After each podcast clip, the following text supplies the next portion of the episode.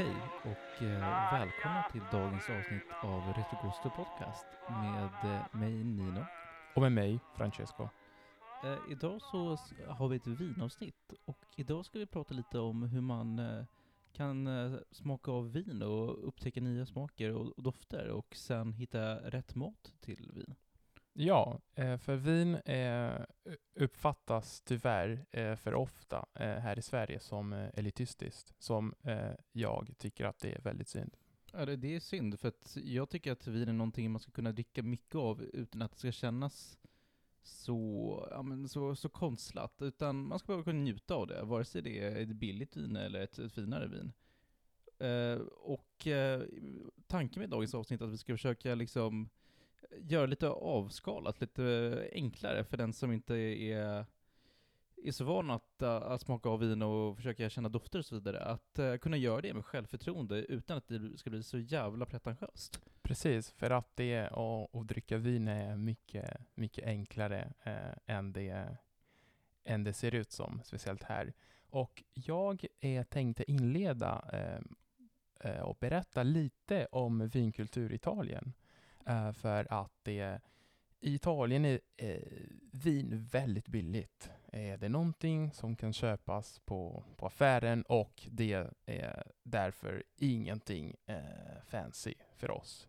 Ja, men jag kan inte undersöka nog hur mycket det än gäller. En ganska okej flaska går ju för fem euro eller sånt. Ja, men eh, som sagt, det är entry level, typ är kanske 20 kronor. Eh, 30 kronor kan man hitta vin som är absolut eh, helt okej. Ja, alltså det är ju bokstavligen ungefär samma pris på bensin numera. ja, och eh, då kan man köpa vin eh, överallt. Eh, vi har eh, ingenting som liknar systemet så på affär och, och så vidare. Och en grej som kanske är inte så, så enkelt att förstå för någon som bor här i, i, i Skandinavien är att det vinet är ju någonting som tillhör vår, vår kultur och vår eh, historia. Och det på ett sätt är ett eh, band till, eh, till vårt land. För att det, om, om man kör också runt om, om Italien, då ser man i princip vingårdar nästan, nästan överallt och det är väldigt mycket folk som lever på att göra vin. Eller hur Nino? Ja, och så har det varit väldigt länge. Att många av de druvorna som funnits lokalt har ju funnits innan romartiden.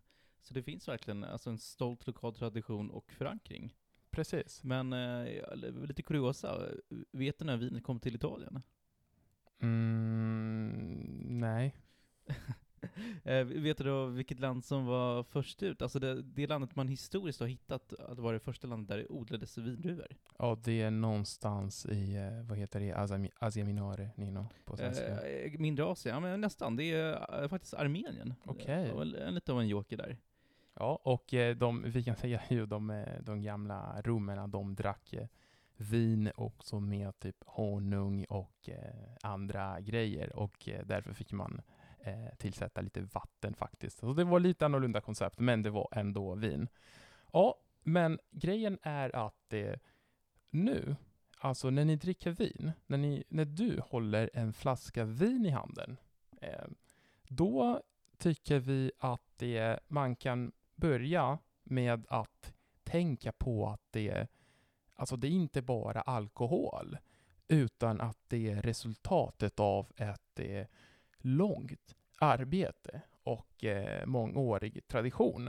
Eh, så första steget kan vara bara att, att läsa etiketten. Kolla, eh, eh, försök förstå eh, vilket område eh, vinet kommer, kommer ifrån. Och sen är det bara, antingen finns det lite information, alltså på baksidan, eller så är det bara typ att googla. Alltså visst, det här är inte någonting ni alls behöver göra. I slutändan är ju hur det smakar det viktigaste. Men personligen tycker jag att det, det är kul att liksom få lite kuriosa och läsa på. Det bidrar, i alla fall för mig, ofta till helhetsintrycket och ja, men lä- lämnar mer smak som kanske inte sitter i gommen på något sätt. Exakt. Och sen, då är det dags att faktiskt köra en sån vinprovning. Ja, och hur gör man?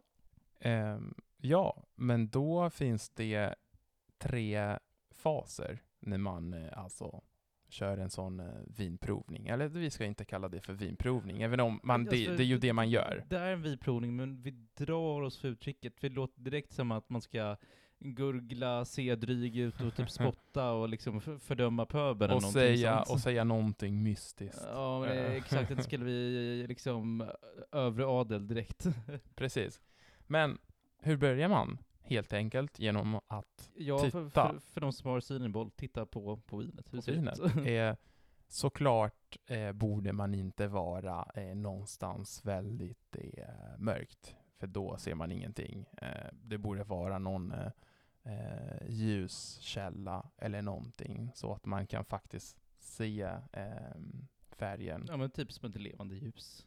Exakt, och, och, och sen är det bara, ja Som men, faktiskt får också få lite mer, så att säga, liv i färgerna. ja precis. Och alltså det är bara att uppskatta eh, färgerna och försöka och, och se eh, nyanserna och så vidare. För att det, ehm, alla viner är ju lite annorlunda och eh, då finns det vissa som har väldigt eh, fina och tilltalande färger. Ja, jag tänker på de röda så har ju eh, Barbera en fantastiskt fin rubinfärgad eh, ton som är väldigt inbjudande.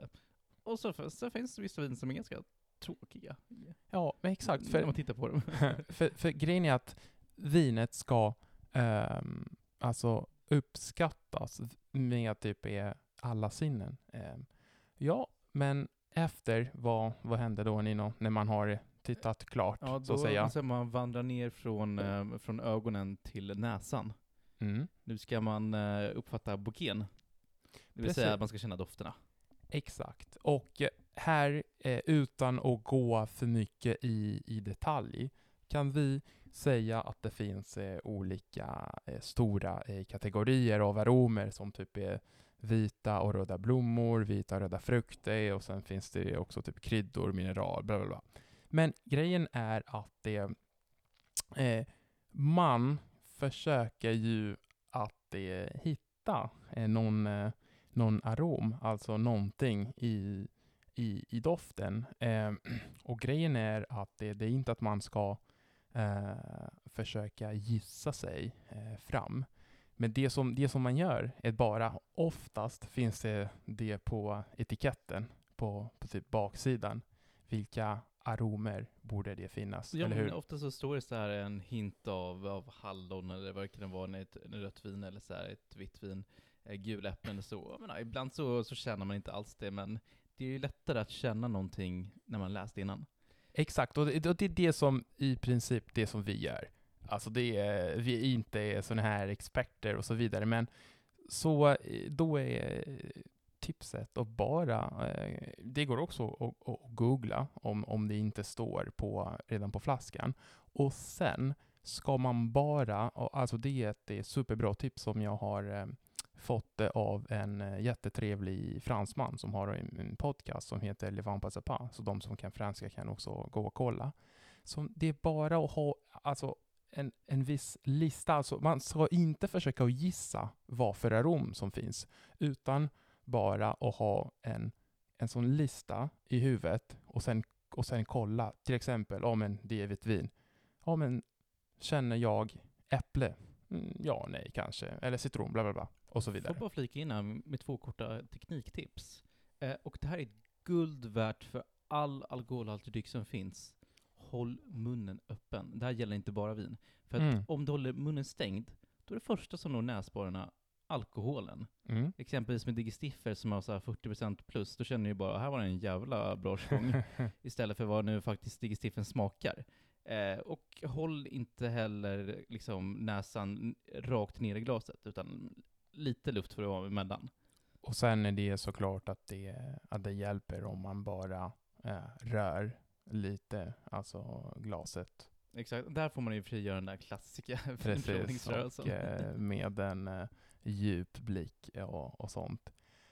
Ja, men när man är också klar med eh, det, då är det dags att äntligen att smaka. Som såklart är det viktigaste. Alltså det, det är väl kul att, att känna lite bokéer och liksom uppskatta vinet från alldeles håll, men i slutändan så dricker man ju vinet. Ja, och, och vi ska inte gå i detalj här, eh, för att det, det kan bli en aning teknisk, eh, tekniskt, men till exempel om man försöker att känna om det är alkohol, tanninerna, bla bla bla. Eh, men grejen är att, alltså, eh, känn eh, hur vinet påverkar alltså munnen. Eh, är det att det, man får, att det blir ganska vattnigt i munnen, känns det varmt, känns det surt och, och sånt. Så det är bara att och, ja, mm, känna det helt enkelt. Um, har du några tips här, Nino? Nej, mest känna efter. Låt det stanna liksom tills smaken finns kvar. Ja, och det är värt att tillägga att ju, ju bättre vinet är, desto längre eftersmak har det. Eh, som i slutändan blir just en väldigt fin retrogusto. Exakt. Eh, och sen är det bara att alltså känn eh, när man har druckit, för då kan man också spotta ut vinet teoretiskt. Om man... ja, fast det är kul att bli lite berusad ja, också. Ja, ja, alltså jag skojar för att det var sådana här fina vinprovningar eh, där det finns typ en hink där man spottar. Men ändå, eh, känn, alltså när ni, ni har druckit det, det borde känna sig i några sekunder som är, som är riktigt kul. Ja, så uh, take away med det här avsnittet att vi, vi hoppas att nu, nu fått en, eh, en crash course hur man kan uppskatta vin bara lite utifrån mer än bara smaken, men utan att det ska vara så jäkla konstlat och svårt. Ja, för eh, visst det kan vin vara dyrt, men alltså det behöver eh, inte alls. Eh, och eh, Nej, alltså vi, vi brukar ju dricka så de lite billigare vinen på systemet. Eller ja, liksom lägre low range. Eh, ja. Eller förlåt, lägre mid range. Sen är det såklart att du, du har ju din fair share av italienska viner med dig. Ja, men eh, ja, privat import. Men eh, grejen är att om man inte är en sommelier, då kan man knappt eh, känna skillnaden mellan en flaska som kostar typ 200 kronor och en flaska som kostar typ det är 500 eller något sånt. Om man inte är väldigt, väldigt bra på vin. Som, som vi inte är. Ja, och det är, det är en ganska dyr hobby. ja, exakt. Ja, men eh, då eh, försök ju nästa gång som ni eh, dricker lite vin, antingen själva eller om ni delar en flaska vin med någon som ni tycker om. Och, och, och känna lite av den, eh, alltså den, den tradition och eh, eh, den kultur och den kärlek som, eh, som finns eh, bakom varje, varje flaska.